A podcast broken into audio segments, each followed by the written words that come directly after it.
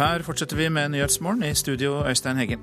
Studentene krever veiledning av alle nyutdannede lærere. Det bør være opp til den enkelte kommune, svarer kunnskapsministeren. Nav varsler strengere regler for, flere, for å få flere arbeidsledige til å flytte på seg. Etter den eh, overbevisende seieren mot Ungarn i går, skal håndballandslaget møte Kroatia i semifinalen. Og går Kina og USA til mer konfrontasjon under Donald Trump? Spørsmålet går til vår Beijing-korrespondent og Kina-kjenner Henning Christoffersen. Fire av ti nyutdannede lærere i barnehage og skole får ikke veiledning i sin første jobb. Samtidig viser statistikken at én av tre lærere slutter i løpet av de fem første årene i yrket. Da Bjørnar Tegnander Rønning var nyutdannet, syntes han det var vanskelig selv å ta initiativ til å spørre kolleger. Noen dager må du nesten velge om du skal gå på do eller hente deg kaffe.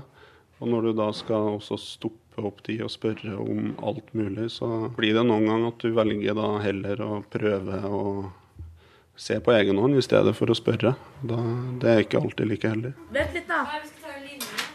I dag er han lærer for en energisk gjeng sjuendeklassinger.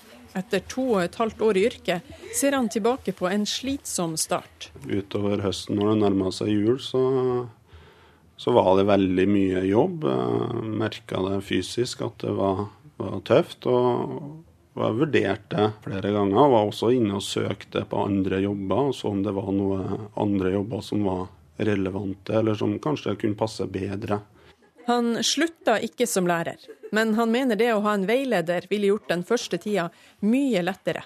Hovedforskjellen tror jeg at det har vært enklere å planlegge hverdagen. Man kunne hatt noen som kunne hjelpe deg å strukturere litt og si hva er viktig å tenke på, hva trenger du også ikke å tenke på. Hvordan skal man følge opp ting? Hvilke rutiner er det på ting? De som får god veiledning, gir tilbakemelding om at de, det er lettere å forstå lærerrollen. Det er lettere å mestre de første årene i yrket. Og det gir dem en trygghet i å faktisk kunne praktisere sin, sin lærerrolle. Det sier leder i Pedagogstudentene, Silje Marie Bentsen.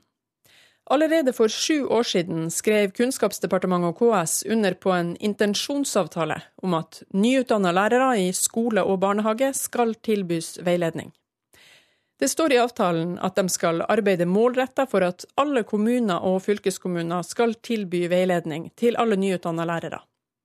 Men en fersk rapport fra Rambøll viser at det med dagens ordning bare er seks av ti som får veiledning. Av dem som faktisk får, oppgir halvparten at det er én gang annenhver måned. Det er ikke kunnskapsminister Torbjørn Røe Isaksen fornøyd med. Jeg er enig i at det ikke er bra nok når fire av ti nyutdannede lærere eller nytilsatte lærere sier at de ikke får noen veiledning.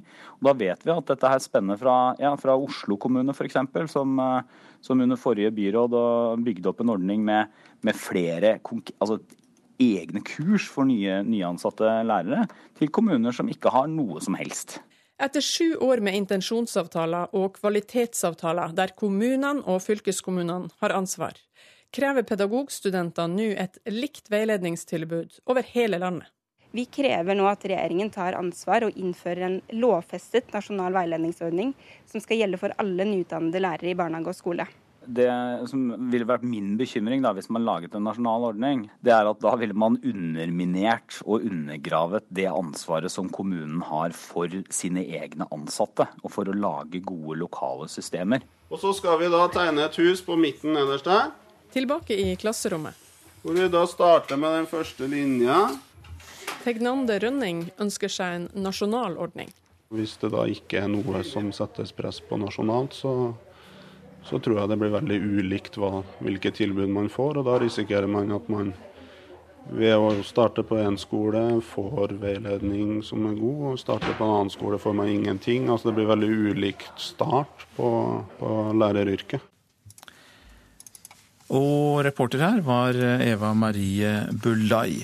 Og det blir debatt om dette i Politisk kvarter om en times tid, programleder Håvard Grønli? Det blir det. Det er nemlig mange i Stortinget som tar til orde for det som vi hører pedagogstudentene vil her. En eh, slags nasjonal veiledningsordning som nye lærere skal få. KrF er et av partiene som mener dette, og som jo kan påvirke regjeringa. Nestleder i KrF, Dagrun Eriksen, møter kunnskapsminister Torbjørn Røe Isaksen. 7.45 snakker vi om da, klokka altså, når det er Politisk kvarter.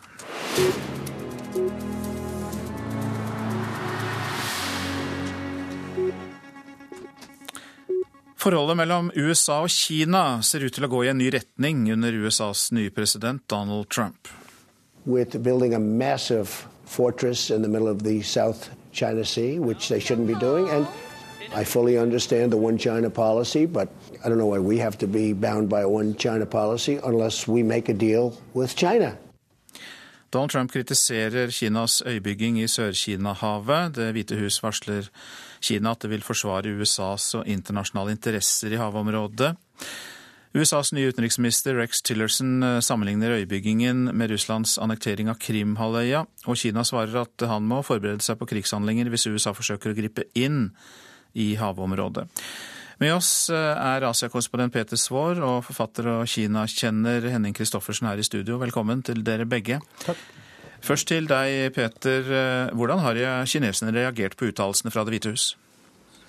Ja, etter disse siste uttalelsene som kom fra Trumps eh, pressetalsmann Sean Spicer, så har kinesiske eh, lederartikler i avisen her advart mot det som kan bli en destruktiv konfrontasjon i eh, Sør-Kina-havet. Da Tillerson kom med uttalelser som mm, omtrent det samme i, sin, i, sine høringer for noen uker siden, så svarte statlige medier her med å minne om at Kina også er en atommakt, og at det å stanse Kinas tilgang til disse øyene nærmest er en krigserklæring. Men så har man jo lagt merke til her at verken verken Tillerson, den nye utenriksministeren, eller Sean Spicer har sagt noe om hvordan USA skal gjøre dette. De har altså ikke eksplisitt nevnt militære virkemidler. Og så er det jo verdt å huske at det har vært ganske spent i Sør-Kina-havet under Obama-administrasjonen også, med såkalte navigasjonsfrihetspatruljer, eh, hvor også eh, amerikanske og kinesiske militære fartøy har eh, vært ganske tett på hverandre. Eh, Peter Svaar, eh, Kina insisterer på at de har krav på 90% av Sør-Kina-havet. Hvorfor er dette havområdet så viktig? Ja, Det er mange grunner til det, men én viktig grunn er nok energisikkerhet. Kinas eh, oljeimport fra Midtøsten går jo gjennom dette havområdet, og det er det viktig for Kina å ha kontroll over. Og så er jo også en av hovedpulsårene for verdenshandelen eh, nettopp skipsledene som knytter eh, markedene i Asia og Vesten sammen. Det går også gjennom Sør-Kina-havet, og er også viktig for Kina som en stor eksportøkonomi. I tillegg til at det muligens er olje- og gassforekomster ute i havet. Ja. Henning Christoffersen, eh, en dom fra voldgiftsdomstolen i Haag går jo Kina imot. altså Det sies at de ikke har noe historisk krav på ressursene i store deler av Sør-Kina-havet. Er det ikke da riktig for verdenssamfunnet at Kina blir satt under hardere press? Jo, det kan du si. Eh, et annet spørsmål er jo hva har vi å presse med?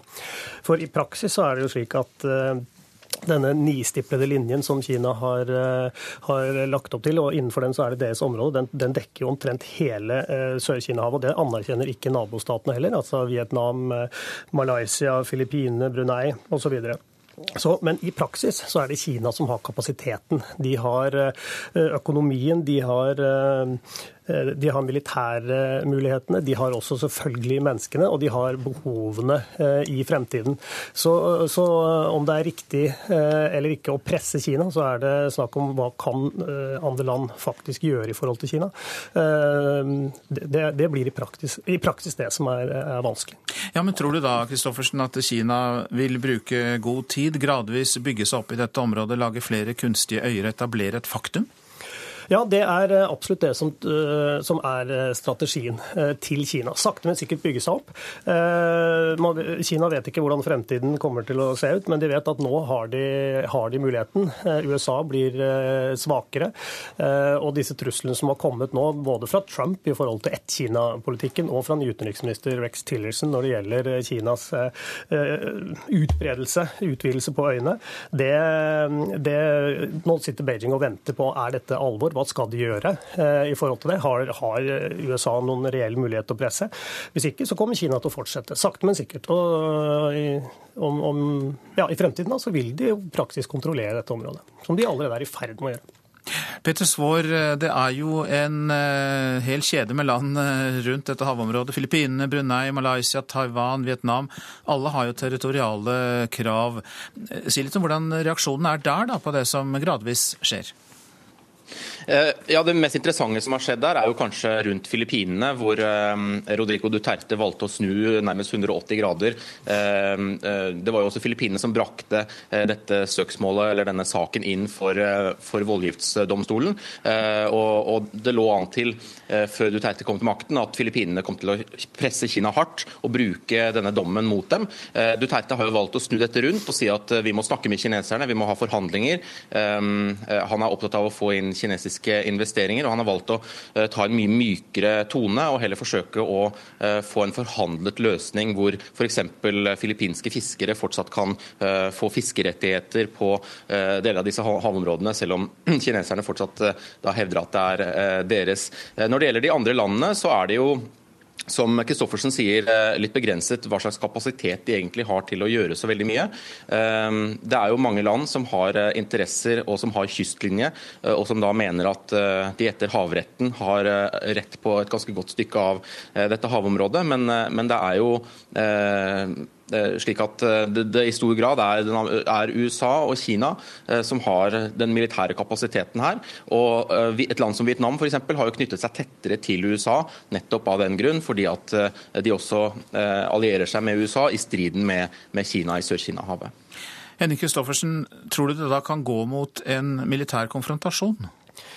Ja, det er jo det det faktisk faktisk kan. Det tror man jo ikke kan være mulig når vi snakker om de to største økonomiene i verden. Men det er, eh, det er, eh, her er vi inne på det som kineserne definerer som sine kjerneinteresser. Det er et par-tre ting. Det er for det første ett-Kina-politikken. Det omfatter eh, Taiwan, åpenbart, Hongkong, Macau, men også Tibet, Xinjiang, områder i, Kina, som er del av ett-Kina-politikken.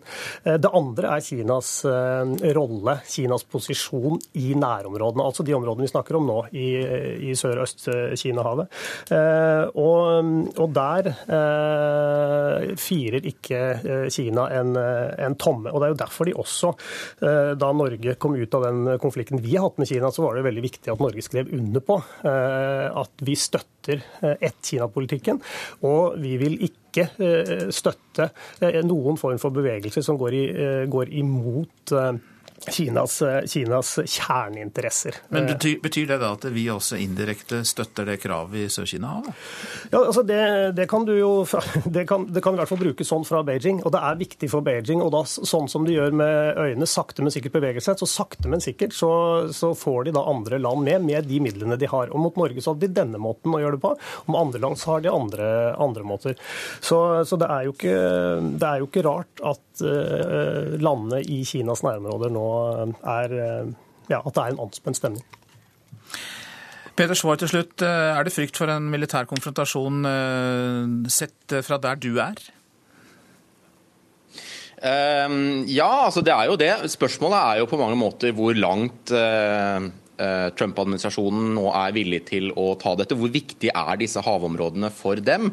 Er de virkelig um, Eh, innstilt på å sende amerikanske krigsskip inn i eh, et havområde som ligger så langt unna USAs eh, kyst, og kanskje også så langt unna USAs på mange måter kjerneinteresse, selv om Eh, USA er opptatt av eh, navigasjonsfrihet i dette havområdet, så er det jo eh, et område som ligger som det er spørsmål om måte hvor, hvor, hvor, mye de er villige til å investere i. Så Det er jo det som nå blir spennende å se. Det er jo ingen tvil om at den amerikanske marinekapasiteten foreløpig er mye større enn kineserne.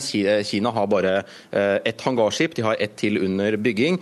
De kan ikke måle seg med den amerikanske marineflåten dersom det skulle gå så langt. Mange takk for at dere var med oss i Nyhetsmorgen. Peter Svaar, som du hørte til slutt der, vår Asia-korrespondent i Beijing, og Kina-kjenner og forfatter Henning Christoffersen.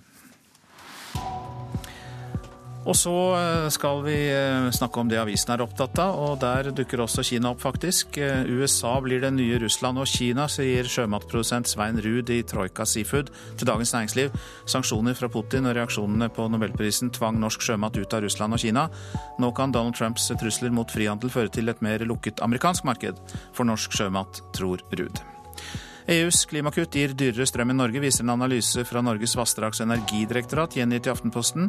Flere kabler som eh, knytter Norden til et eh, europeisk kraftmarked, vil bidra til økte norske priser, for kraftoverskuddet fra vann- og vindkraft som bygges opp i Norden, skal ut og redusere forurensningene ellers i Europa. Skadde plugger på Statoils Sleipner A-plattform i Nordsjøen ble ikke byttet, skriver Stavanger Aftenblad. Rustskader ble funnet i 2010, men bare noen av pluggene ble byttet. I fjor ble det avslørt at 78 smøreplugger var korroderte eller av uegnet materiale, og det kunne ført til gasslekkasje, ifølge fagforeningen Industri Energi. Therese Johaugs eh, steroidprofil, som viser blodverdien over flere år, kan redde hennes karriere i dopingsaken mot henne, skriver Dagbladet. Profilen viser nemlig at det ikke er noe som tyder på at Johaug har syslet med ureglementert steroidbruk i de siste sju åra. Bergenserne betaler mest for drivstoffet, er oppslaget i Bergens Tidende, som har sjekket tolv bensinstasjoner i og utenfor Bergen, der Odda kommer best ut. Øystein Foros ved Norges handelshøyskole sier det stemmer med tidligere studier de har gjort, der bergensområdet ligger på et høyere prisnivå for drivstoff enn f.eks. Oslo-området. Slik skal Gjermund Cappelen bli trodd i rettssaken mot ham, og den tidligere politimannen Erik Jensen skriver VG. Cappelen husker nemlig godt, han har gitt alle forklaringer uten å ha sett et dokument. Det sier hans forsvarer Benedicte Wibe. Man tjener eh, gode penger og blir vel grådig, sier den tidligere lederen av katalogselskapet Nummeropplysningen, Amir Skjøtvold Mian, til Adresseavisen. Han innrømmer at det Trondheim-baserte selskapets telefonselgere ga falske opplysninger da de fikk bedrifter og organisasjoner til å inngå avtaler om oppføring i nettkatalogen 1801. De norske håndballgutta møter Kroatia i VM-semifinalen etter seieren over Ungarn i Albertville i Frankrike i går kveld. Seiersrusen rakk så vidt å legge seg, før oppmerksomheten ble rettet mot fredag. For da skal altså Norge spille sin aller første semifinale i et verdensmesterskap. Jetem! Håndballgutta! Jetem! Dere skal spille semifinale i VM! Og dere skulle egentlig ikke vært i VM engang! Dere får wildcardet, og dere utnytter det til det fulle! For en gjeng! For en gjeng! De norske håndballgutta sikret seg en historisk semifinale i VM etter å ha slått Ungarn 31-28 i går kveld. En bragd femmålsskårer Sander Sagosen vil huske lenge. Nei, det er helt rått. og Jeg er så stolt over den gjengen her og stolt over meg sjøl. Nå er vi virkelig opp der blant de beste. og nei, Den karamellen her skal vi suge på. Men allerede på fredag venter tøff motstand fra Kroatia, som slo Spania 30-29 i sin kvartfinale. Trener Christian Berge har ingen planer om å si seg fornøyd med en VM-semi. Eh, og så har jeg en tanke i hodet som at vi var veldig fornøyd med å komme til semien i EM òg, og så stoppa jeg der. Eh, nå skal vi ha alle kluter inn, altså, inn mot den semien, eh, fordi vi trenger å jobbe i forhold til å få komme oss det skrittet videre fra den. Norge tapte bronsekampen i EM i fjor mot nettopp Kroatia. Nå ønsker de revansj, og det har gårsdagens store helt og Norges beste spiller, keeper Torbjørn Bergerud, stor tro på. Vi kan ta gull, vi. Altså, det er ikke noe tvil om det. Vi har ikke, vi vi har ikke ryket ut ennå. Når vi nå står i semifinalen, så kan vi vinne den. Vi kan også gå til finalen, vi kan vinne den også. Så nei, vi, vi kan gå hele veien. Og Malin Jørnholt var reporter. Dette er Nyhetsmorgen. Klokka er 6.51. I dag starter høringen i dopingsaken mot Therese Johaug. Idrettsjurist Gunnar Martin Kjenner er vår gjest etter klokka sju. Økende uførhet utfordrer kommunene, og mange kvinner, spesielt i helsesektoren, ender som uføre. Fagforbundet krever mer penger til inkluderende arbeidsliv. For få nyutdannede lærere i barnehage og skole får veiledning i sin første jobb. Nå krever lærerstudentene bedre veiledningsordninger. Nav vil i større grad kreve at arbeidsledige flytter på seg for å få jobb, sier fylkesdirektør i Nav Hordaland, Anne Kverneland Bogsnes. Å være villig til å flytte på seg er et av kravene for å få dagpenger, men fram til nå har ikke kravet blitt håndhevet i særlig grad. Fortsatt er det aktivitet på kaien på CCB på Ågotnes. Men oljekrisen preger forsyningsbasen. Over 1000 har mistet jobben i ulike selskaper her, og arbeidsledigheten i fjell- og øygarden er nå rekordhøy. Ja, det er dramatiske tall. Det sier Anne Kverneland Boksnes, fylkesdirektør i Nav Hordaland. For de som har mistet jobben i oljenæringen, er utsiktene til ny jobb i samme område dårlig. Nå vil Nav stille krav til flere om å flytte på seg for å få seg jobb. Vi har egentlig reglement som sier at du skal ta på deg jobber andre steder for å få utbetalt dagpenger. Det ligger reglement der som er bestemt av politikerne våre, som vi forholder oss til. Vil det si at det er folk som ikke får utbetalt dagpenger dersom de ikke viser villighet til å flytte på seg? Det kan skje. Eh, det er noe vi har fått i eh, oppdrag om å være flinkere til å håndheve nå i 2017. Men det skal jo gjøres en individuell vurdering i hvert enkelt tilfelle. Det er ikke alle som har muligheten til å flytte på seg. Det er ikke stor tradisjon i Norge for å flytte langt for å få seg jobb. Det sier ordfører i Øygarden kommune, Børge Haugetun. I hans kommune er ledigheten nå på over 6 Han mener kravet om å flytte på seg er for strengt. Folk som har valgt å bosette seg i Øygarden, bør ha rett til å bli, mener han. Identiteten og det å være knyttet til en plass, da er viktig. Stian Nyhus er regionsjef i ingeniørenes bransjeorganisasjon NITO. Han mener det er riktig å i større grad kreve at arbeidsledige flytter på seg for å få ny jobb. Jeg tenker at Det er et rimelig krav for å få utbetalt eh, støtte fra Nav. Du skal være eh, arbeidssøker og du skal være mobil i forhold til hvor du søker arbeid. Våre medlemmer er mobile. De har erfaring med å pendle, de har erfaring med å være fra hjemmet sin for å få jobb. Utfordringen er å, å få jobb. Tidligere i måneden fikk 170 ansatte i Aker Solutions her på Ågotnes beskjed om at de mister jobben. Alle her kjenner noen som er rammet av oljekrisen. Jeg tror fremdeles at vi ikke har nådd bunnen, dessverre. Grete Smehaug var manager på hotellet på Ågotnes da oljekrisen kom.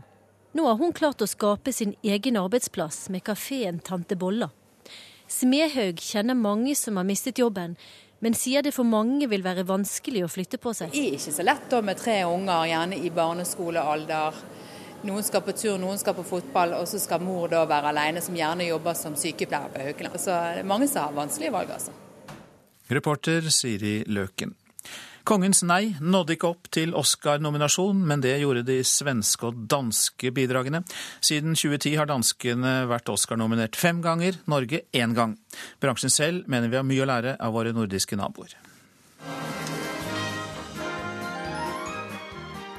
Har du hørt om svensken, dansken og nordmannen som ville bli nominert til Oscar? Det gikk slik. Dansken fikk én nominasjon. Svensken fikk to. Det er forbudt å kjøre bil i det området. Men du kanskje ikke kan lese svenske skilter? Jo, det kan jeg, men er du blind, kanskje? Det Er jeg som kjører? Og nordmannen? Deres Majestet.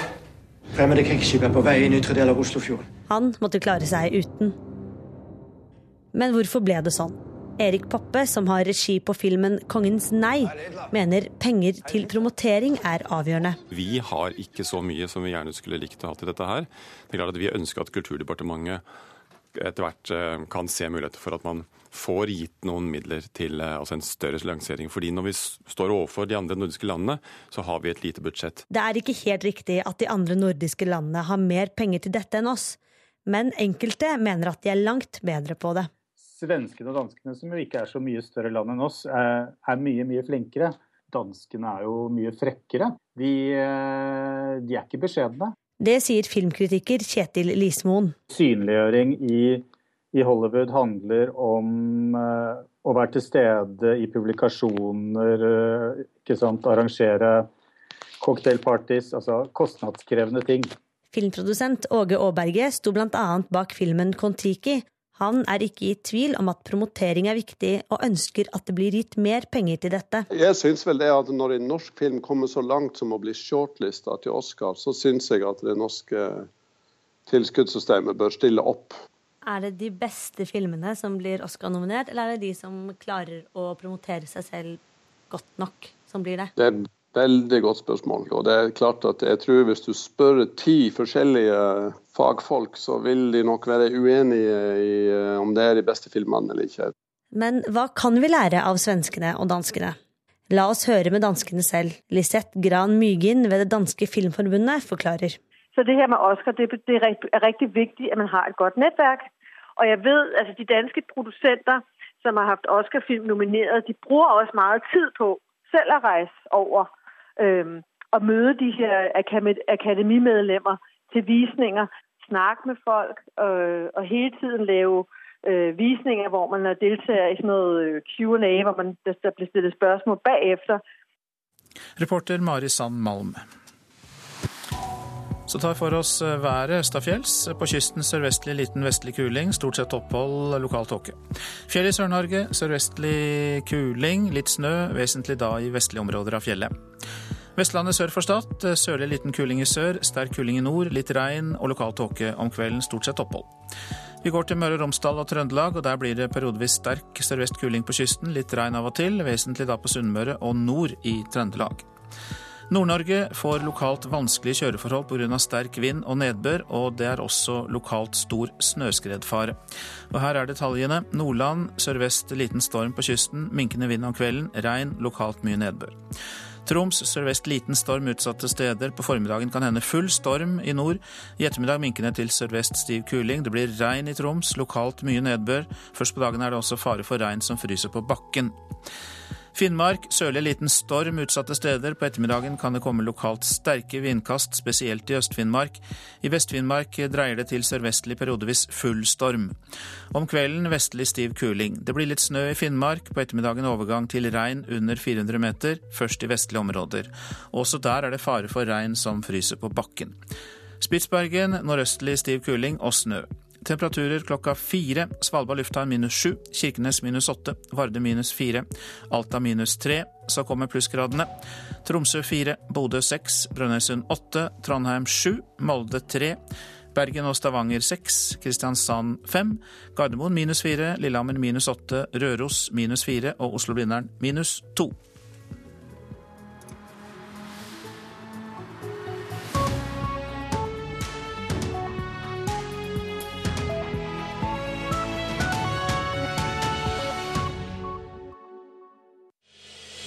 P2-lytternes romanpris. Jeg liker godt å kjenne meg igjen i bøker på en eller annen måte. All god kunst, som Tor Ulven sier, har et eller annet dumt over seg. Derfor var den boka her en fryd for øyet. Hør juryen diskutere bøkene i morgen klokka 14 på NRK P2. Det er ikke mulig å ringe to av tre nødnumre fra låst mobiltelefon. Problematisk, mener IKT Norge. Mange lærere vurderer å slutte etter kort tid.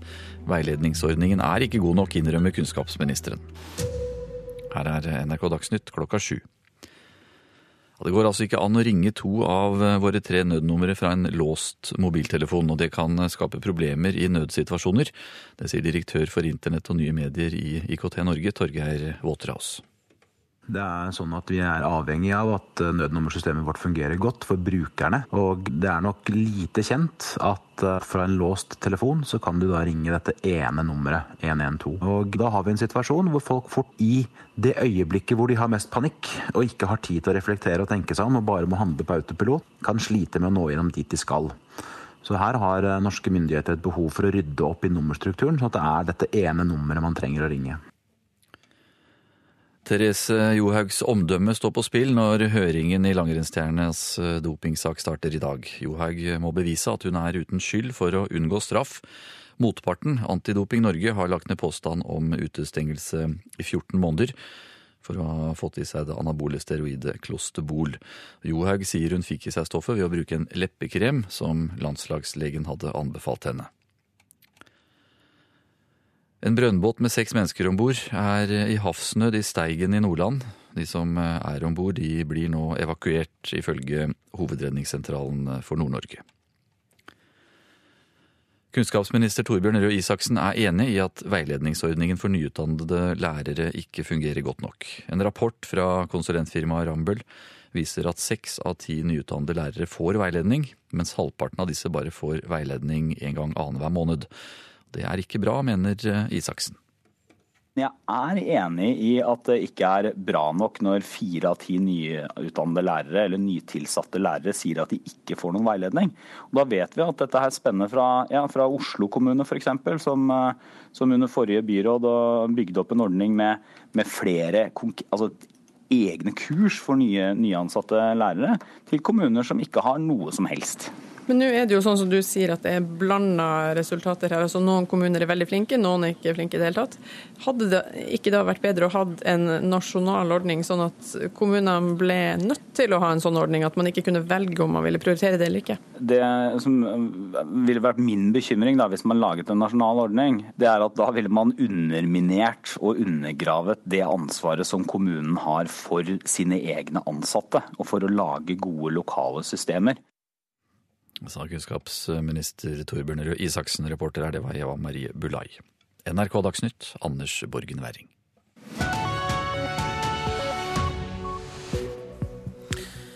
Ja, I dag starter altså høringen i dopingsaken mot Therese Johaug. Og idrettsjurist Gunnar Martin Kjenner er allerede kommet i studio for å kommentere saken for oss i Nyhetsmorgen. Hva svarer Nasjonal kommunikasjonsmyndighet på at to av tre nødnumre ikke kan ringes på låst telefon? Det spør vi også om i Nyhetsmorgen.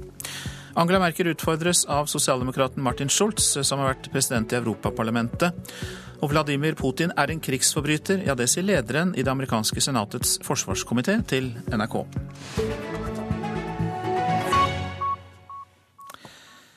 Høringen eh, i dopingsaken mot eh, Therese Johaug starter altså i dag, og det er en sak som har preget nyhetsbildet langrennssporten siden i fjor høst. Da ble kjent at skiløperen hadde avgitt positiv dopingprøve.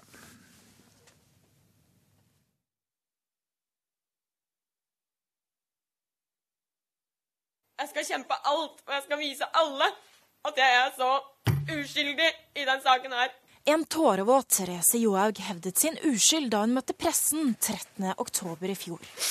Da ble det offentliggjort at skiprinsessen fra Dalsbygda hadde avlagt en positiv dopingprøve ca. en måned tidligere. Jeg vet at jeg har ansvar øh, for det jeg har i kroppen min.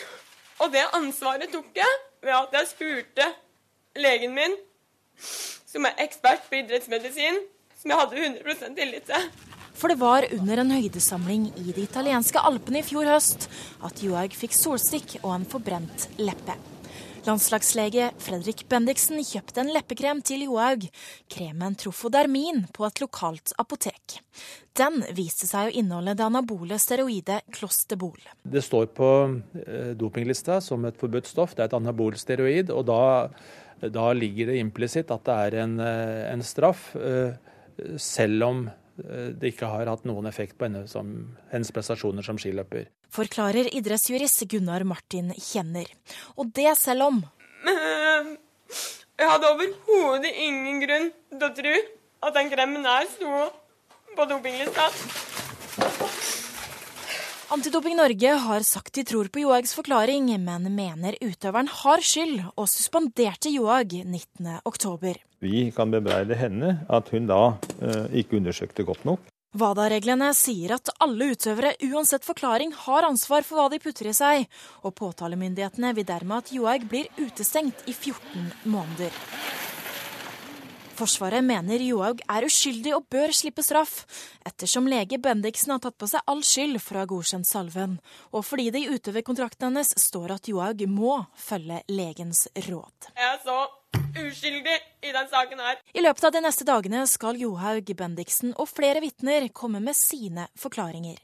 Therese eh, ser på mange måter frem til å kunne forklare seg for eh, domsutvalget. Hun vet det blir en påkjenning med all oppmerksomheten rundt det, men ønsker også å få belyst alle sider ved denne saken samlet. Johaugs advokat Christian Hjort, og reporter var Malin Jørnholt. Ja, vi hørte et utsagn fra deg i denne saken, idrettsjurist Gunnar Martin Kjenner, men nå er du også her i studio. Velkommen. Takk skal du ha. Hva er det som skal foregå når Johaug møter domsutvalget i et møterom på Ullevål stadion i dag? Ja, De muntlige forhandlingene er veldig lik en, en rettssak i tingrett og lagmannsrett. Eh, det starter med innledningsforedrag fra partenes advokater. Først eh, antidopingsadvokat, og så Forsvaret. Så er det partsforklaringer, eh, vitneavhøring, og det er dokumentasjon av, av, de skriftlige bevisene. Og så er det prosedyre til slutt. Så det er, så er det som en helt vanlig rettssak. Og vitnene, f.eks. Marit Bjørgen, hva er det de kan bidra med? Ja, Det er vel eh, hennes tro, troverdighet, eh, altså Thereses troverdighet og, og, og hva som er vanlig i, i skimiljøet, vil jeg tro. Ja, Dagbladet skriver jo i dag om det med troverdighet, at hennes steroidprofil som viser blodverdien over flere år, kan bli hennes redning. Hva ligger i det?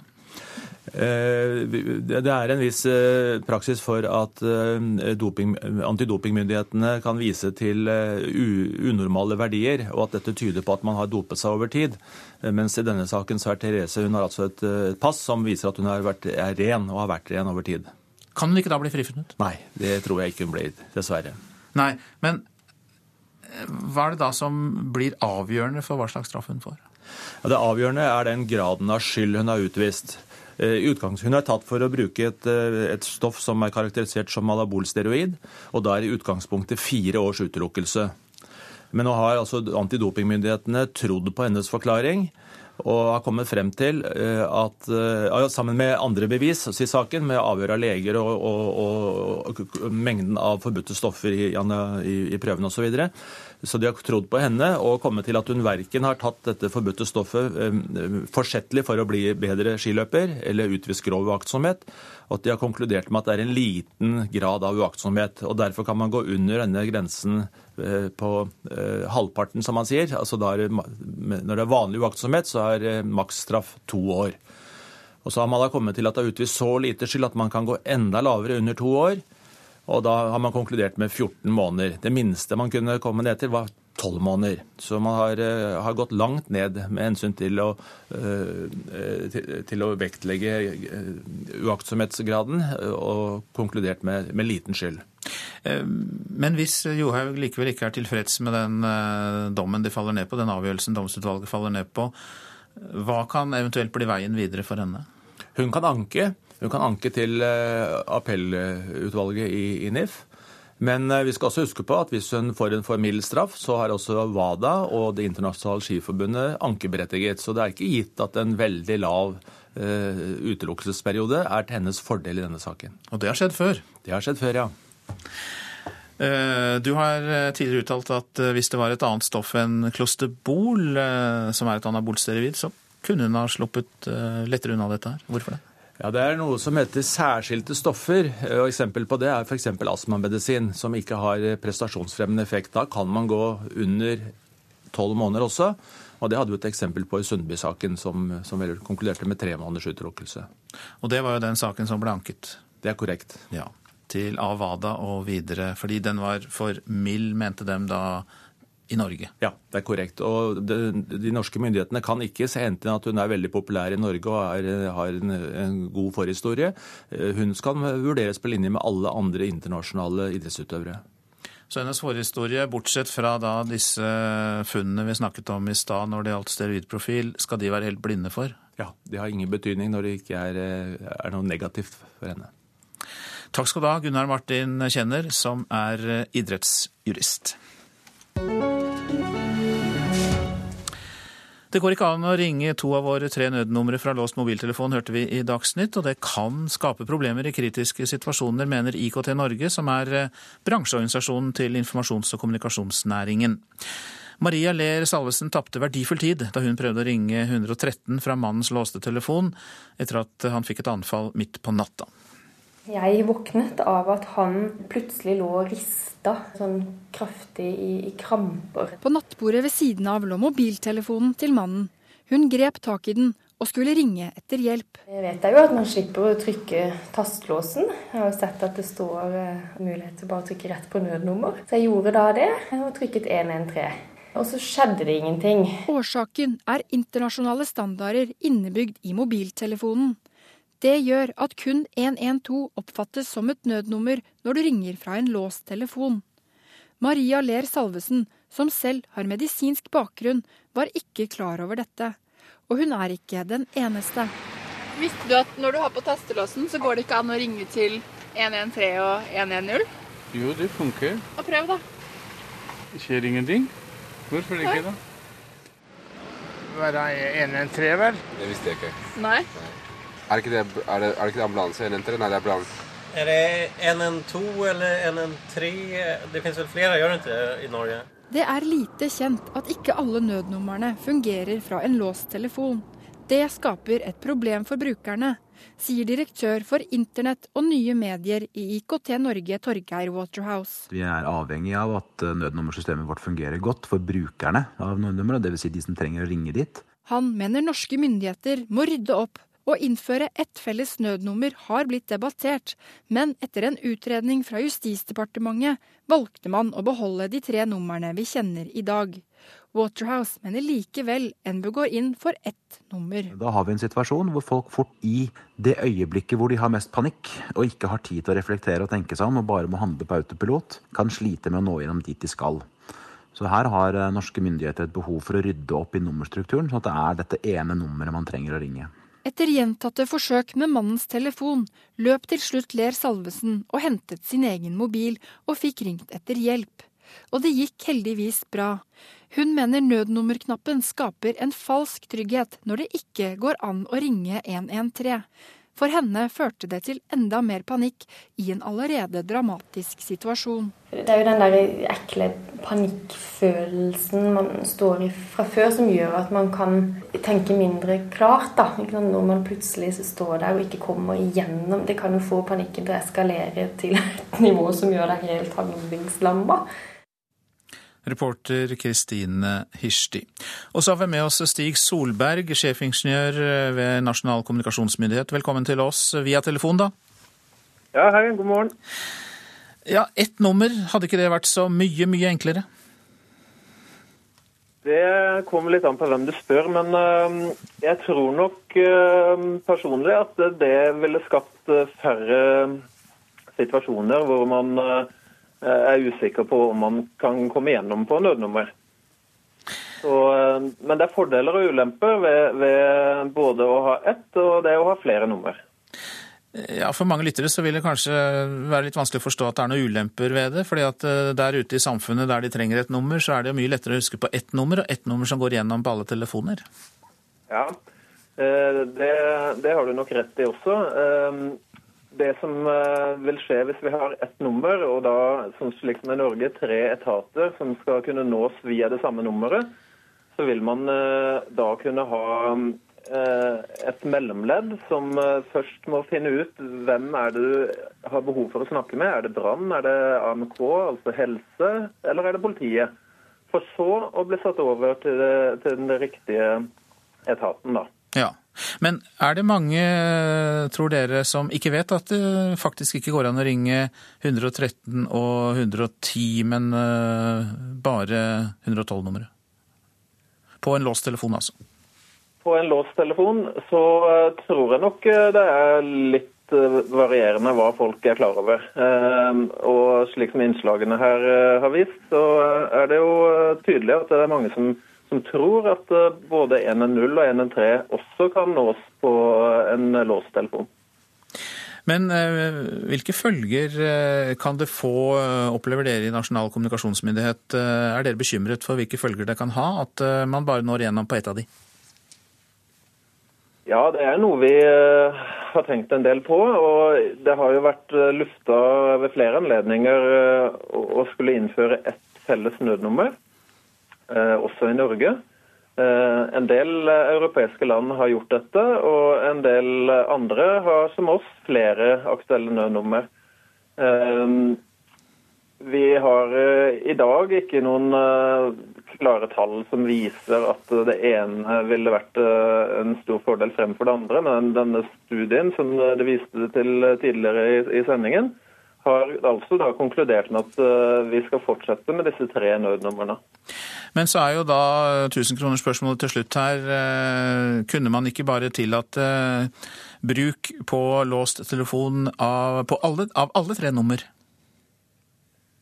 Jo, hvis det hadde vært opp til norske myndigheter å avgjøre det, så, så ville det vært en fordel. Men nå er det slik at 112 har en særstilling i, i Europa og er definert som et felles europeisk nødnummer.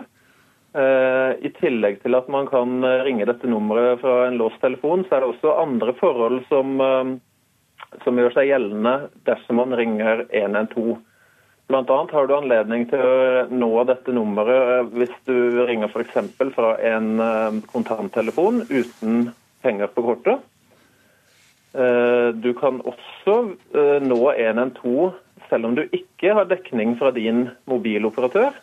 Dette forutsetter selvsagt at du har dekning fra en annen operatør. Men så sant det finnes mobildekning i det området du er, så vil du kunne ringe 112. Dette vil ikke fungere for 110 og 113, ettersom eh, telefonen oppfatter disse nødnumrene som helt ordinære telefonnummer. Men kan man ikke avvike denne europeiske standarden i Norge, da? Bare bestemme seg for at her gjør vi det litt annerledes? Jo, eh, utfordringen da er jo at eh, vi produserer jo ingen telefoner i Norge. Og eh, denne funksjonaliteten er det jo mobilprodusentene som legger inn i håndsettene. Det er ikke noe norske myndigheter eller teleoperatører har eh, anledning til å gjøre. Går det an å endre på det, tror du? Ja, Det er gjennom internasjonalt arbeid, eh, både eh, på europeisk nivå og internasjonalt. Å prøve å påvirke standardene på en slik måte som vi mener er formålstjenlig for brukerne. Takk skal du ha, Stig Solberg, sjefingeniør ved Nasjonal kommunikasjonsmyndighet. Dette er Nyhetsmorgen, klokka er 7.18, og dette er hovedsaker. I dag starter høringen i dopingsaken mot Therese Johaug. Idrettsjurist Gunnar Martin Kjenner sa i Nyhetsmorgen at eh, han ikke tror på noen eh, frifinnelse, men eh, at hun er blitt vurdert allerede på en mildere måte enn maksimalstraffen for det som denne dopingen går inn under. To av nødnumrene kan du altså ikke ringe på låst telefon. Det kan skape problemer i en kritisk situasjon, mener IKT Norge. Det er bare 112 man kan ringe på låst telefon. Vladimir Putin er krigsforbryter, sier lederen av det amerikanske senatets forsvarskomité. Snart mer om det. Men tysk politikk tar vi for oss nå. Det er bestemt at Martin Schulz fra Sosialdemokratene utfordrer Angela Merkel fra CDU som forbundskansler under høstens valg i Tyskland. Dette valget er altså 24.9. Korrespondent Guri Nordstrøm i Berlin, eh, fortell oss mer om Martin Schulz. Han er 61 eh, år gammel, men likevel en nykommer i tysk eh, rikspolitikk. Han har sittet i Europaparlamentet helt siden 1994, der han har representert det europeiske sosialdemokratiske partiet. Og fra 2012 så var han også president i Europaparlamentet. Før han begynte å jobbe i Brussel, var han ordfører i en liten by som heter Würselen i Nordrhein-Westfalen, helt vest i Tyskland. Eller så er han uh, opprinnelig utdannet uh, bokhandler. Angela Merkel eh, er jo respektert og ganske populær også, fortsatt etter mange år som forbundskansler. Men hvor populær er Martin Schulz? Han blir i hvert fall sett på som en mye bedre kandidat enn Sigmar Gabriel, som har ledet Sosialdemokratene siden 2009. Og Det innrømmer faktisk også Gabriel selv, at Schultz er mer populær enn ham og har en mye større sjanse til å gjøre det godt i, i valget som kommer nå til høsten. Hvis det hadde vært direktevalg, så viser en meningsmåling fra Emny-instituttet at Schultz ville ha fått 38 av stemmene, og Merkel 39% Hvis valget hadde stått mellom Gabriel og Merkel derimot, så ville han kun ha fått 27% av stemmene og Merkel 46 Men nå er det jo ikke direktevalg av kandidater på den måten her i eh, Tyskland. Så hvilke sjanser har han da mot Merkel, når eh, alt tas med i betraktning? Slik det ser ut nå, så blir det nok vanskelig å slå Merkel, fordi hennes parti ligger 15 prosentpoeng foran Sosialdemokratene, som er det andre største partiet. Eh, siden 2013 så har Merkels parti og Sosialdemokratene styrt sammen. Men det at Sosialdemokratene nå velger Schultz som sin kandidat, blir av mange tolket som at de ønsker seg ut av denne rollen som juniorer i regjeringen, og at de heller ønsker å gå i allianse med småpartiene mot eh, Venstre. Men samtidig så tror de fleste analytikerne her nå at det er mest sannsynlig at alliansen mellom Sosialdemokratene og Kristendemokratene vil fortsette også etter valget. Og da er det Merkel som leder det største partiet, som også vil forbli forbundskansler. Ja, for det spesielle med Tyskland er jo nettopp denne storkoalisjonen du nevner der. Men eh, med ham som kanslerkandidat, så er det også flere kabaler som skal eh, legges på nytt. Ja, for når Schultz nå blir kanslerkandidat for Sosialdemokratene, så blir han også partileder og avløser da Sigma Gabriel, som som nevnt har ledet partiet siden 2009 eh, og vært den sosialdemokratiske lederen som har sittet lengst siden eh, forbundskansler Willy Brandt hadde samme posisjon. Etter alt å dømme så blir Gabriel ny utenriksminister. Eh, Frank Walter Steinmeier, som er utenriksminister nå, går av i februar for å bli Tysklands president istedenfor. En rolle da som stort sett er seremoniell og uten reell makt. Mange takk skal du ha for den oppdateringen fra Berlin, Guri Nordstrøm, vår korrespondent der. Stortingets utenriks- og forsvarskomité besøker i disse dager USA. I går eh, møtte de bl.a. representanter for Senatets utenrikskomité og lederen for forsvarskomiteen, John McCain. Republikaneren McCain er blant de kraftigste kritikerne av president Donald Trumps Russland-politikk. Det starter ofte med et møte med den såkalte norske benken når norske politikere besøker Kongressen i USA. Men i en situasjon der det hersker stor uklarhet om hva som er USAs politikk overfor Russland, var det knyttet store forventninger til møtet med forsvarskomiteens leder, John McCain. President Trump has said he will consider lifting sanctions if Russia will accept lower nuclear arsenal. Is that something you could uh, consider as a trade-off? No. Why not? Because he has invaded uh, the Crimea. Uh, he's taken the Crimea, invaded Ukraine, has um, used his aircraft with precision weapons to bomb hospitals in Aleppo. He's a war criminal. Republikaneren McCain mener altså at Russlands president er en krigsforbryter, og viser til at russiske fly brukte presisjonsvåpen til å bombe sykehus i den syriske byen Aleppo. Han støtter ikke president Donald Trumps forslag om å lette på sanksjonene dersom Russland går med på en tosidig avtale om nye kutt i atomvåpenarsenalet. McCain viser til at sanksjonene var knyttet til at Russland annekterte Krim og deretter invaderte Øst-Ukraina. NRK spør også om påstander i russiske media om at amerikansk etterretning i det siste skal ha samarbeidet med det russiske flyvåpenet i Syria. Kunne han i så fall støtte et slikt samarbeid? De sier det ikke er sant, og jeg vil ikke støtte det, sier McCain kontant. Første nestleder i Stortingets utenriks- og forsvarskomité, Øyvind Halleraker, er helt på linje med McCain når det gjelder sanksjoner overfor Russland. Vi har ingen eh, diskusjon PT om å lette på sanksjonene. Snarere tvert imot så har vi eh, fra Nato PA, eh, som jo er den parlamentariske delen av Nato, vært tydelig på at hvis ikke Minsk-avtalen overholdes, så bør vi vurdere å innføre ytterligere sanksjoner. Presidenten sa senest etter nyttår at Nato er utdatert. Hva er din kommentar til det?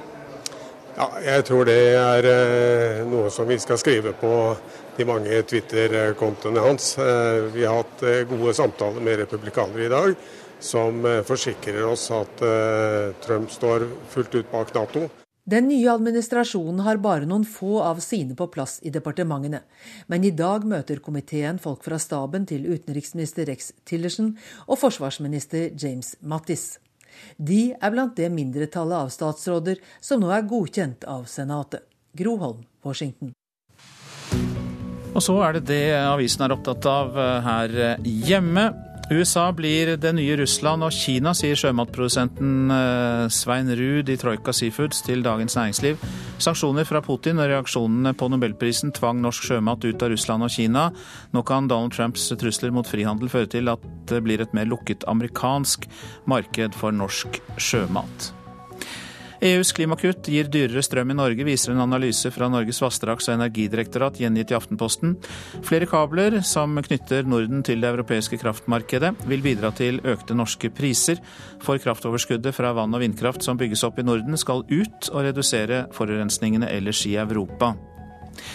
Skadde plugger på Statoils Sleipner A-plattform i Nordsjøen ble ikke byttet, skriver Stavanger Aftenblad. Rustskader ble funnet i 2010, men bare noen av pluggene ble byttet.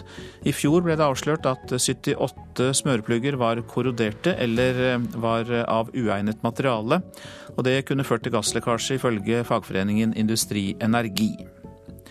Therese Johaugs eh, steroidprofil, som viser blodverdiene over flere år, kan redde hennes karriere i dopingsaken mot henne, skriver Dagbladet. Profilen viser at det ikke er noe som tyder på at Johaug har syslet med ureglementert steroidbruk de siste sju åra, skriver avisa. Bergenserne betaler mest for drivstoffet, er oppslaget i Bergens Tidende, som har sjekket tolv bensinstasjoner i og utenfor Bergen, der Odda kommer best ut. Øystein Foros ved Norges handelshøyskole sier det stemmer med tidligere studier de har gjort, der bergensområdet har ligget på et eh, høyere prisnivå på drivstoff da, enn eh, eksempelvis Oslo-området. Slik skal Gjermund Cappelen bli trodd i rettssaken mot ham, og den tidligere politimannen Erik Jensen skriver VG.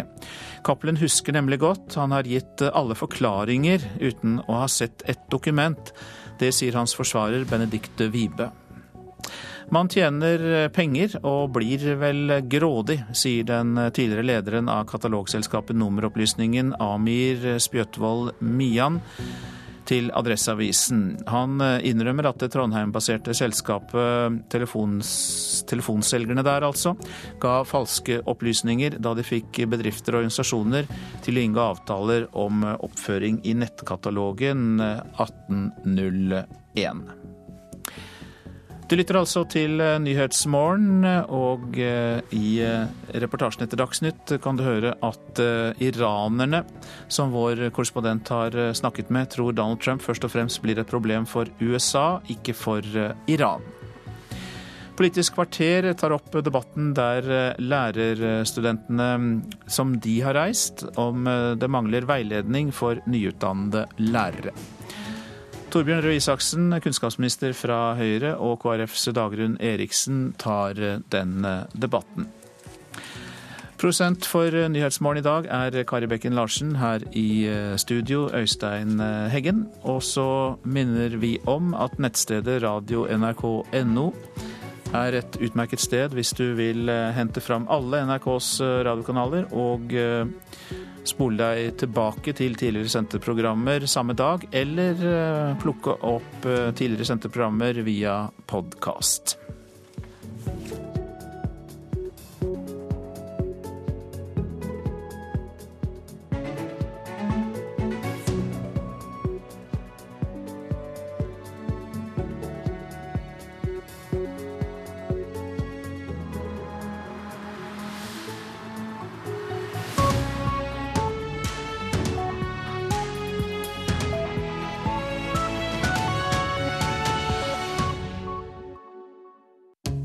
Politikere, forfattere, næringslivsfolk Du har et inntrykk av hvem de er, men hvem er de egentlig? En helt ny portrettserie på NRK P2 med Harald Eia og Nils Brenna. Vi har latt dem ta en grundig vitenskapelig test som presist måler deres personlighet.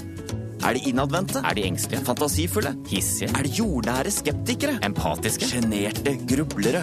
Sånn er du. Søndag klokka ti på NRK P2.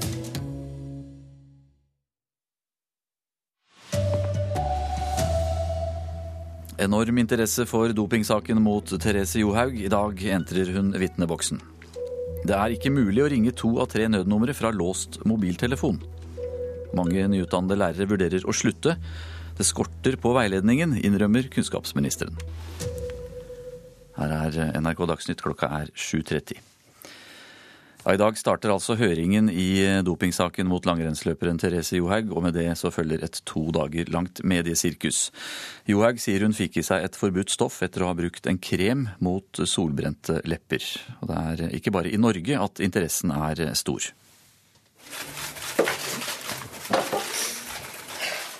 Hele 70 journalister fra Norge og utlandet skal dekke høringene i dopingsaken mot Therese Johaug, som starter i dag. Det er uh, svenske, finske uh, og norske. Og så er det mulig at det også kommer noen internasjonale byråer. Forteller kommunikasjonssjef i Norges idrettsforbund, Nils Røyne. Han regnet med 50 journalister, men må plusse på 20. For medieinteressen for Norges mest omtalte dopingsak gjennom tidene viser seg å være enorm, særlig i nabolandet. SVTs reporter Ola Brennholm, som har fulgt Johaug-saken tett, synes ikke det er rart. Det er vel ikke så svårt å forstå. Det er verdens beste skidåkere, og alle vil jo vite hva som har hendt på alle sett i Sverige og i Norge. Det syns jeg ikke alls er konstig at det er stort interesse i Sverige. Det har man merket også på den svenske publikum, at det var et, et enormt interesse for alt som handlet om Therese Johaug. Straffen den avgjøres sannsynligvis innen en måned, men først må Johaug forberede seg på et to dager langt mediesirkus.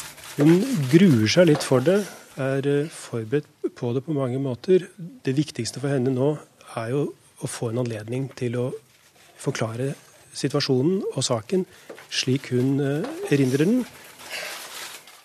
Det sa til slutt Johaugs advokat Christian Hjort, og reporter her, det var Malin Jørnholt.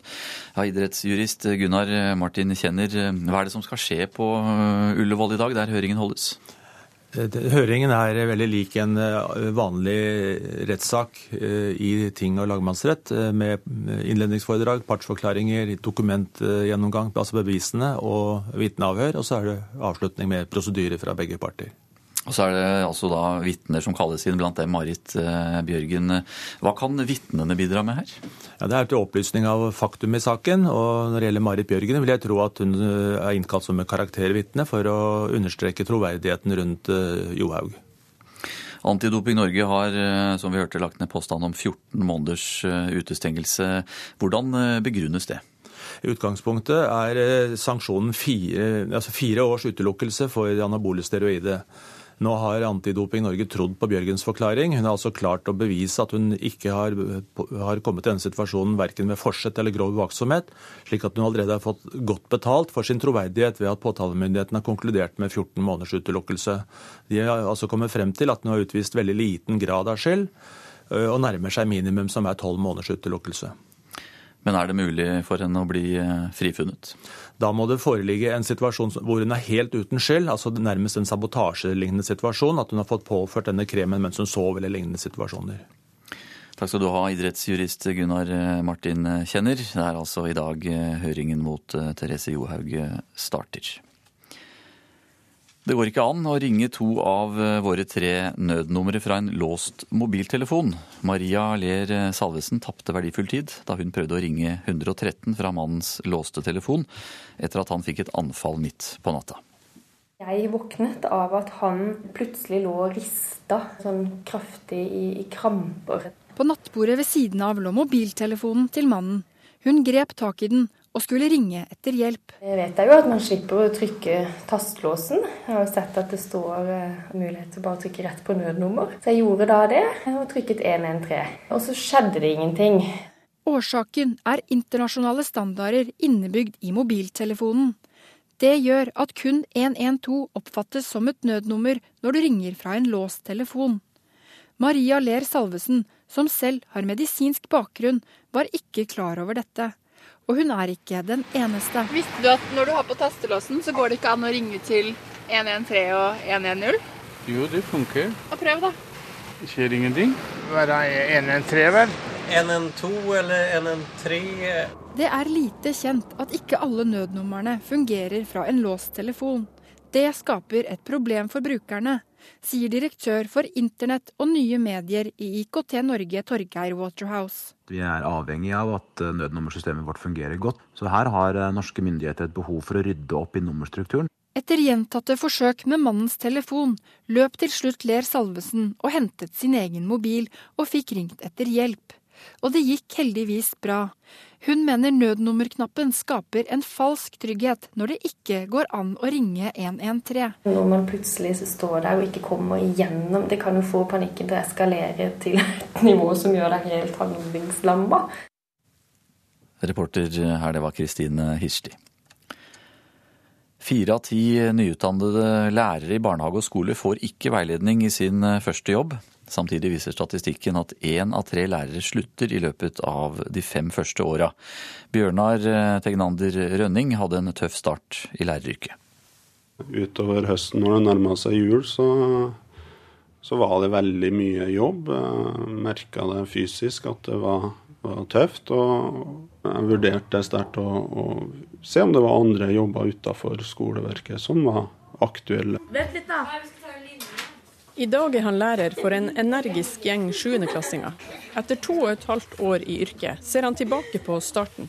Jeg ville jo gjerne som helt nyutdanna fersk lærer ville jeg gjerne hatt mer konkret veiledning. At man kunne kanskje få en spesiell lærer som hadde tid til alle spørsmål når man er helt ny.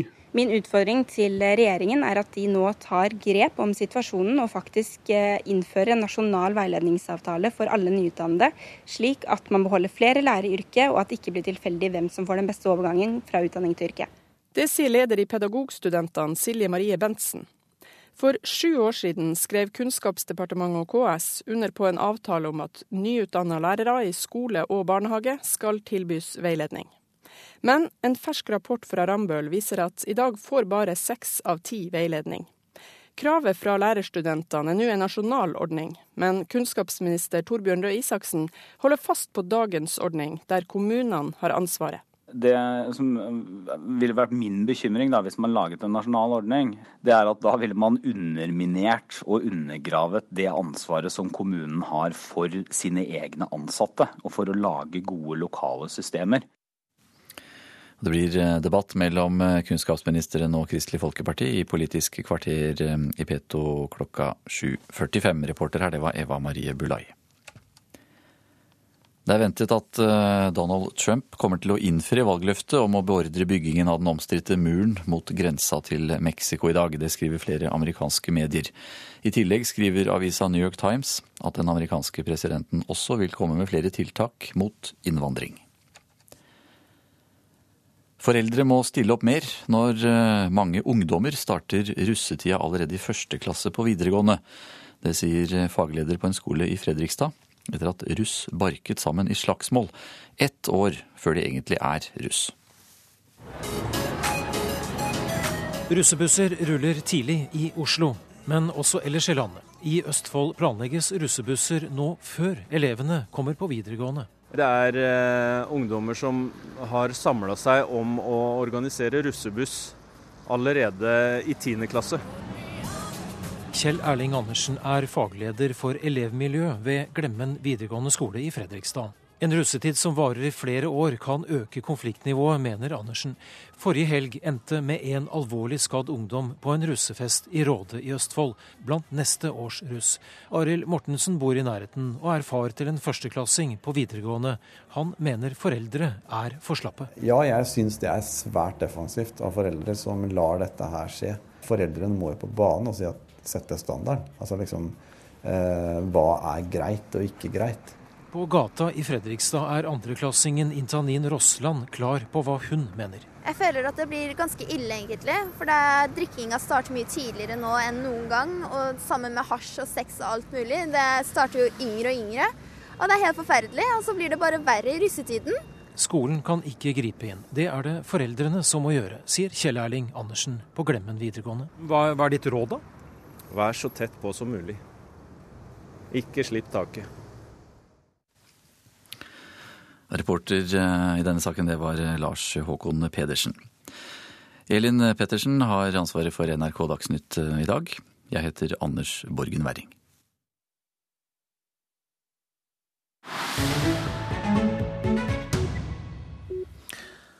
Og det er Nyhetsmorgen du har i radioen din nå. Reaksjonene på Donald Trump har vært en blanding av jubel og frykt rundt i verden. I Iran tror de Trump eh, først og fremst blir et problem for USA selv. Korrespondent Sissel Wold har snakket med en krigsveteran i den iranske hovedstaden Teheran. Å komme inn i stua til Hossein Kanani Mogadam er som å besøke den iranske revolusjonsgarden. Men så har Mogadam også vært kommandant i Irans konservative maktbastion. På veggene ser vi bilder av Ayatollah Khomeini og øverste leder Ali Khamenei. Og vi ser bilder av Mogadam som soldat og portretter av falne kamerater og en fallen bror fra revolusjonsgarden.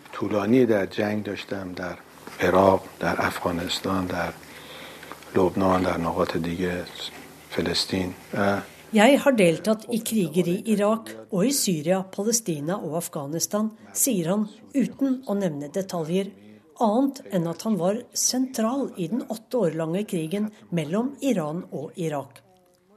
Det var krigen da USA så på Saddam Hussein som en alliert og hjalp den irakiske diktatoren med militært utstyr. Hossein Mogadam mener USA fremdeles driver et farlig spill. Han viser til Donald Trumps uttalte ønske om å rive i stykker atomavtalen Iran inngikk med de faste medlemmene av FNs sikkerhetsråd, EU og USA. Mot at iranerne forsikrer verden om at de ikke utvikler atomvåpen, skal landet komme ut av isolasjonen og igjen bli en del av internasjonal handel. Hossein Moghadam er leder og grunnlegger av det grønne partiet i Iran. Moghadams parti, forteller han, er et sted midt mellom hardlinerne og de moderate. Om Donald Trump river i stykker atomavtalen med oss, slik han har sagt, setter vi fyr på den. Og dette blir Trumps problem, ikke vårt, advarer politikeren. Den tidligere kommandanten fra revolusjonsgarden er sikker på at det er USA som vil tape på å ikke komme Iran i møte. Men er Hussein Moghadam egentlig glad for valget av Trump, siden dette synes å svekke USA i verdens øyne? Yes, I'm very happy about that. Because Trump is a, like an earthquake in the political uh, situation in the United States. Ja, fordi Trump er som et jordskjelv i det politiske landskapet i USA. Det har ulmet glør i asken, og nå er flammene kommet til overflaten. At this time, all of this fire is coming up. This is a big problem for the United States and Trump. De har prøvd å holde USA sammen, men de har mislykkes. Og det er bra for oss, sier den iranske politikeren. For Iran tjener på et svekket USA. I think this is a good situation for us. President Donald Trumps håndtering av atomavtalen de neste månedene kan være avgjørende for det iranske folket, som er utålmodig etter å komme ut av isolasjonen. Men først og fremst tror Mogadam at det er amerikanerne som kommer til å slite langt mer med Trump enn iranerne. Så president Trump blir et større problem for USA enn for Iran? Yes, that's right. ja, det er akkurat det jeg mener, ler Hossein Mogadam. Dette er hovedsaker i nyhetene. I dag starter høringen i dopingsaken mot Therese Johaug. Det er stor medieinteresse for saken, også fra utenlandske journalister. Johaug fikk i seg et forbudt stoff etter å ha brukt en krem mot solbrente lepper. To av tre nødnumre her i landet kan ikke ringes på låst mobiltelefon. Det kan skape problemer i en kritisk nødsituasjon, mener IKT Norge. For få av de nyutdannede lærerne i barnehage og skole får veiledning i sin første jobb, mener lærerstudentene. Nå krever de bedre veiledningsordninger. Det er ventet at Donald Trump kommer til å innfri valgløftet om å beordre byggingen av den omstridte muren mot grensa til Mexico. At han kommer til å gi beskjed om dette i dag, det skriver flere amerikanske medier. Og så er det Politisk kvarter med Håvard Grønli som programleder.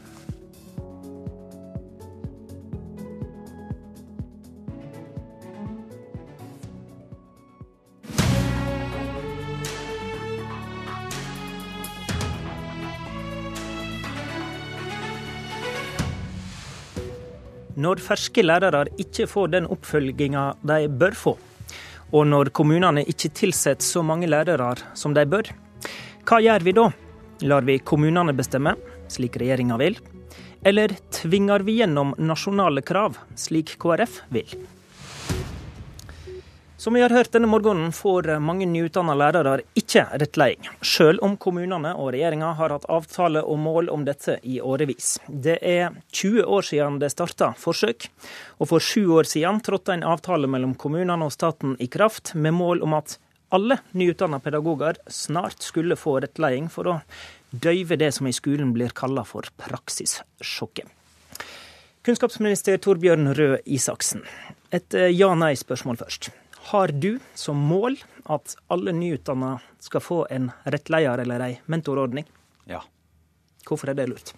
Eh, jo, for det læreryrket altså For det første burde alle nye arbeidstakere alle steder bli tatt imot på en god måte. Men læreryrket er nok også litt spesielt. Fordi hvis du ser for deg en sykepleier som starter på en pleieinstitusjon, så vil det være mulig å legge opp arbeidet sånn at de mer avanserte oppgavene de fases man inn i. Men som lærer så blir man kastet ut i den aller mest avanserte oppgaven med en gang. Hvis i møte med elever i et klasserom.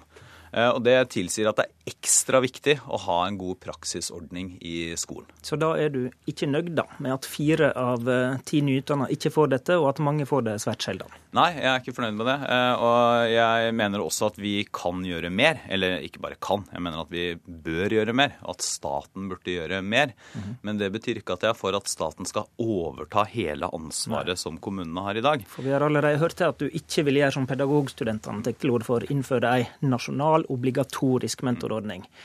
Hvorfor ikke det? Det er flere grunner til det, men det aller aller viktigste det er at eh, selv om det kan være fristende i hver enkelt sak å si at nå skal vi bare frata kommunene ansvaret og la staten ta over, så mener jeg at det gradvis underminerer det som er kanskje det aller viktigste for at vi skal få enda bedre skoler hvor elevene lærer mer, nemlig lokale skoleeiere, lokale politikere, lokalt ansvar eh, som kan følge opp og styre politikken. Dagrun Eriksen, nestleder i KrF. Vi har eh, altså hørt dette kravet om eh, lovfesta nasjonal ordning. SV har liggende inne et forslag om dette, som snart kommer opp i Stortinget. Hva vil KrF? Vi hadde allerede i statsbudsjettet for i år, i vårt alternative budsjett, innen en obligatorisk mentorordning. og Det er en sak som vi har kjempa for i mange, mange år. Jeg husker veldig godt eh, Kristin Halvorsen som utdanningsminister og KS når de fikk denne avtalen om veiledning på plass. Det var også etter at KrF pressa hardt på for å få til en obligatorisk mentorordning. Nå skulle alt bli så mye bedre. Hovedproblemet med denne er ikke det at det er kommunene som har ansvaret. Hovedproblemet er at her ligger det ingen struktur på bordet som gjør at dette blir ordentlig gjennomført. Det er en frivillig ordning. Lærere har masse oppgaver, og dette skal de gjøre i tillegg. Ok, Men hvis frivillig er problematisk, betyr det at dere vil gå helt til å lovfeste dette, sånn at kommunene må? Ja, Vi vil innføre en obligatorisk mentorordning for alle nyutdanna lærere. Men det betyr også at vi vil legge Obligatorisk betyr lovfesta, ja, sånn at kommunene ja, må? En måte å gjøre det på er å lovfeste den, men det aller viktigste er at man da også må legge penger på bordet. Vi mener at man kun får frikjøpt tid, både fra undervisning og eh, både for den som er mentor og den som skal bli mentorert, med 20% sånn at dette blir gjennomført. Nå er det en litt sånn frivillig fadderordning. Det er ikke god nok struktur. Vi mener det må ta en mye større innsats. 33 lærere forsvinner ut ut etter dette praksissjokket og ikke ønsker å jobbe i skolen. Det har vi ikke råd til. Er ikke det å kaste bort penger som samfunn, Isaksen? Ja, altså det er, det er, jo ikke bra nok når uh, så mange forsvinner ut av læreryrket og praksissjokket er etablert. Nå er det for øvrig verdt å nevne da, at det er nok ikke sånn at det er veldig mye flere som forsvinner ut av læreryrket enn andre sammenlignbare yrker, men det er allikevel for mange, for vi trenger flere lærere i skolen. Så spørsmålet blir jo hvor langt skal man gå uh, i, å, i at staten skal ta over en ordning som jo er i kjernen av det man må kunne forvente av en arbeidsgiver. Jeg mener at eh, KrF har et veldig godt poeng når de sier at den avtalen som ligger i dag, som den rød-grønne regjeringen eh, inngikk, den er, det er en slags intensjonsavtale og kun frivillig, og det er veldig få rammer rundt det. Så jeg mener at staten skal gjøre mer enn vi gjør i dag. Det kan også være aktuelt å bruke mer penger på det. Vi jobber med en strategi nå som kommer i løpet av en måneds tid, hvor også praksisordningen kommer til å bli omtalt. Men det er noe annet enn at staten skal gå inn og i praksis ta over en av de helt selvfølgelige oppgavene oppgavene som enhver arbeidsgiver har, nemlig men, å legge til rette for de nye ansatte. Men Isaksen, det finnes da mange statlige krav som en arbeidsgiver må oppfylle. Hvorfor er det så problematisk på dette, da? Det, som er, det som er problematisk, er at summen av alle de tingene vi eh, lover nasjonalt, og forventer at eh, Eller tar ansvaret fra kommunepolitikere og overfører det til eh, oss isteden, gjør at vi gradvis underminerer muligheten for lokale politikere, som er mye nærmere de valgte i sin kommune enn det vi er, til å prioritere, til å kunne veie forskjellige hensyn opp mot hverandre, til å lage lokale løsninger også.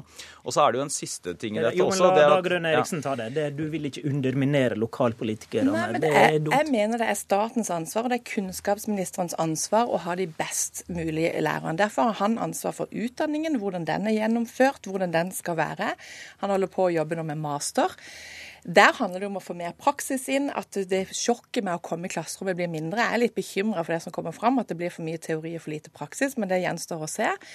Men det, det vil også si at hvis du da snur det litt, istedenfor å si og tenke at dette er første året som arbeidsgiver har ansvar, så burde dette være det første året hvor staten som har ansvar for utdanning, og arbeidsgiver som har ansvar for arbeidslivet, sammen kunne ha gjort det. Og med å få til en obligatorisk mentorordning, hvor du får frikjøpt tid, hvor det ikke blir en slags frivillig fadderordning, så vil du kunne se på dette som Sånn som legene. De har et turnusår som de må ta først, før de er ute ordentlig legestand. Her ville du kunne gjort det, og det ville gitt en mye større trygghet.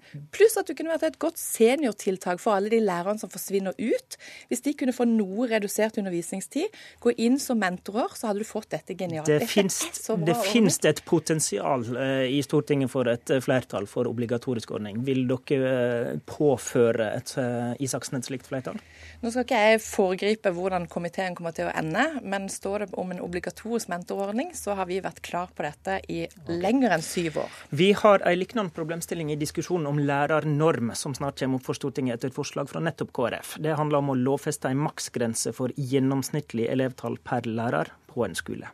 Hvorfor er det lurt, Eriksen?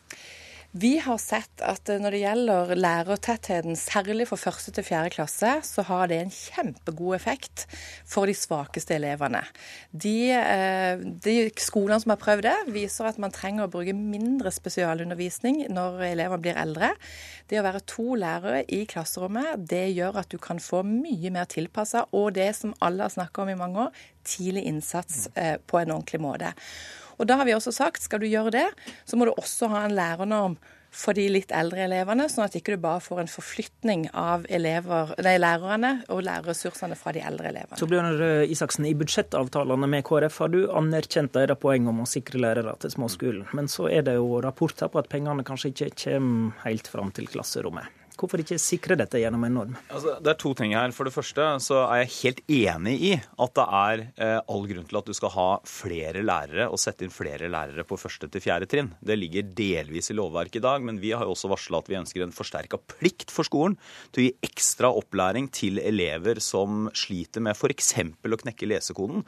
Da trenger du også ekstra lærere til det. Problemet med det Kristelig Folkeparti og, og SV og andre partier foreslår, det er at det vil føre til to ting. For det er, det er en regel hvor du bestemmer nasjonalt hvor store klasser skal være, for å si det litt enkelt. Det vil føre til to ting. I en by som Oslo f.eks. og andre storbyer så vil det føre til en helt systematisk overflytting av lærere og ressurser fra skoler på østkanten hvor eh, elever f.eks. 80% minoritetsandel, mange med elever med innvandrerbakgrunn, til vestkanten. For det vil ikke lenger være mulig lokalt å si at den skolen, der har vi ekstra utfordringer, da setter vi inn ekstra ressurser. Det andre det er at man må jo se for seg at uh, man ønsker at dette skal gå da, pengene skal gå først og fremst til de kommunene som har store klasser. Og hvor er det?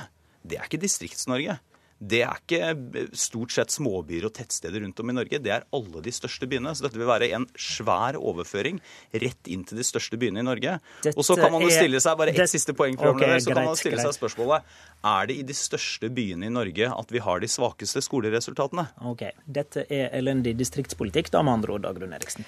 Nei, dette viser jo at distriktene gjør veldig mye godt fordi de har klart å holde en høyere lærertetthet enn man kanskje har klart i byene. Eh, og, da kan, og da kan og, du utvatne det med ditt ja, forslag? Nei, for du vil jo ikke flytte det. Altså, det. Man vil bare komme godt ut. Man får ikke ekstra innsats nå. Men det jeg syns er litt eh, problematisk med argumentet her, at også svake elever på vestkanten trenger økt lærerressurser, også svake elever i byene. Dette vil gi en stor sikring på det, og jeg tror alle som har sett klasserom med små elever, én lærer som skal håndtere alt dette, skjønner at dette er en god ordning, og da trenger de litt puff fra staten for å få det til. Takk til Dagrun Eriksen og Torbjørn Røe Isaksen. Diskusjonen om lærernorm den kommer garantert flere ganger fram mot valget.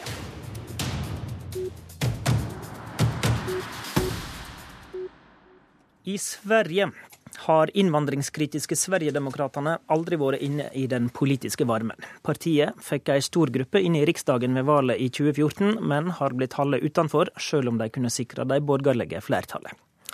Men nå har lederen for Moderaterna, Anna Kinberg Batra, sagt at hun heretter vil samtale med Sverigedemokraterna. Det har skapt stor uro i den borgerlige alliansen, men Batra står på sitt, og i går ettermiddag sa hun dette på en pressekonferanse. Vi slutter med den prinsipp som Moderaterna har hatt, at ikke prate med Sverigedemokraterna alls i politiske spørsmål. Det syns ikke jeg har fungert. Politisk kommentator Magnus Takvam. Bryter partilederen eh, dette med arven etter eh, statsminister Fredrik Reinfeldt, som jo konsekvent holdt eh, Sverigedemokraterna utenfor? Ja, det er det ingen tvil om. Eh, men da må vi samtidig minne om at også Fredrik Reinfeldt regjerte, altså i tiden fra 2010 til eh, de tapte valget i 2014, med Sverigedemokraterna på vippen, så å si, i, i Riksdagen. Alliansepartiene, de fire borgerlige, hadde flertall før det, men ble altså avhengig på en måte av Sverigedemokraterna eh, i denne neste riksdagsperioden. Så utfordringen for eh, dagens moderatleder er eh, å ta tilbake borgerlig regjeringsmakt fra opposisjon. Og da er det ingen tvil om at utsiktene til det er veldig usikre dersom man ikke regner med Sverigedemokratenes stemmer. Og det er dette dilemmaet, dette presset, som har fått moderatlederen til å endre eh, syn her. Men som eh, vi nevnte i innledninga, dette har jo skapt flere sterke reaksjoner i den borgerlige alliansen, som i tillegg til eh, de moderate da består av Liberalerne, Sentin og Kristdemokratene. Hva er det de reagerer så sterkt på?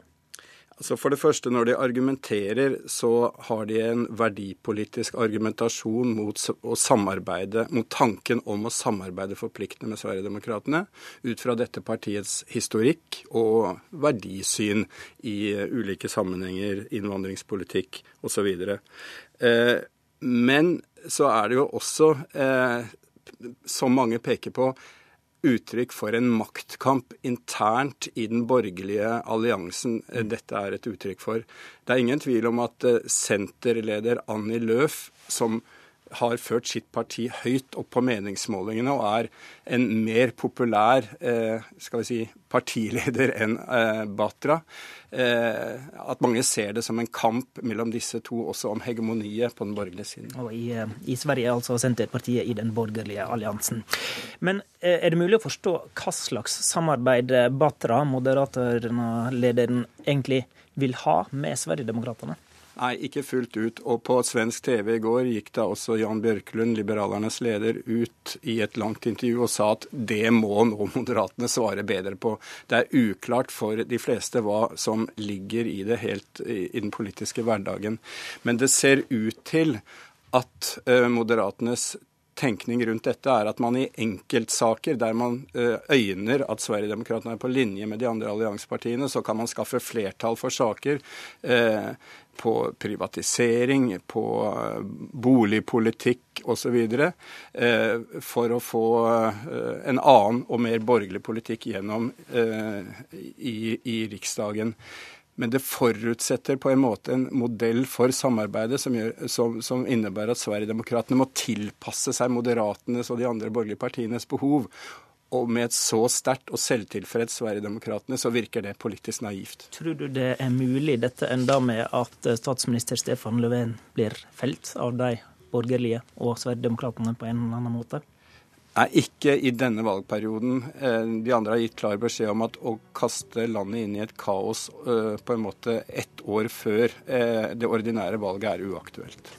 Takk til Magnus Takvam. I studio, Håvard Grønli. Hør flere podkaster på nrk.no podkast.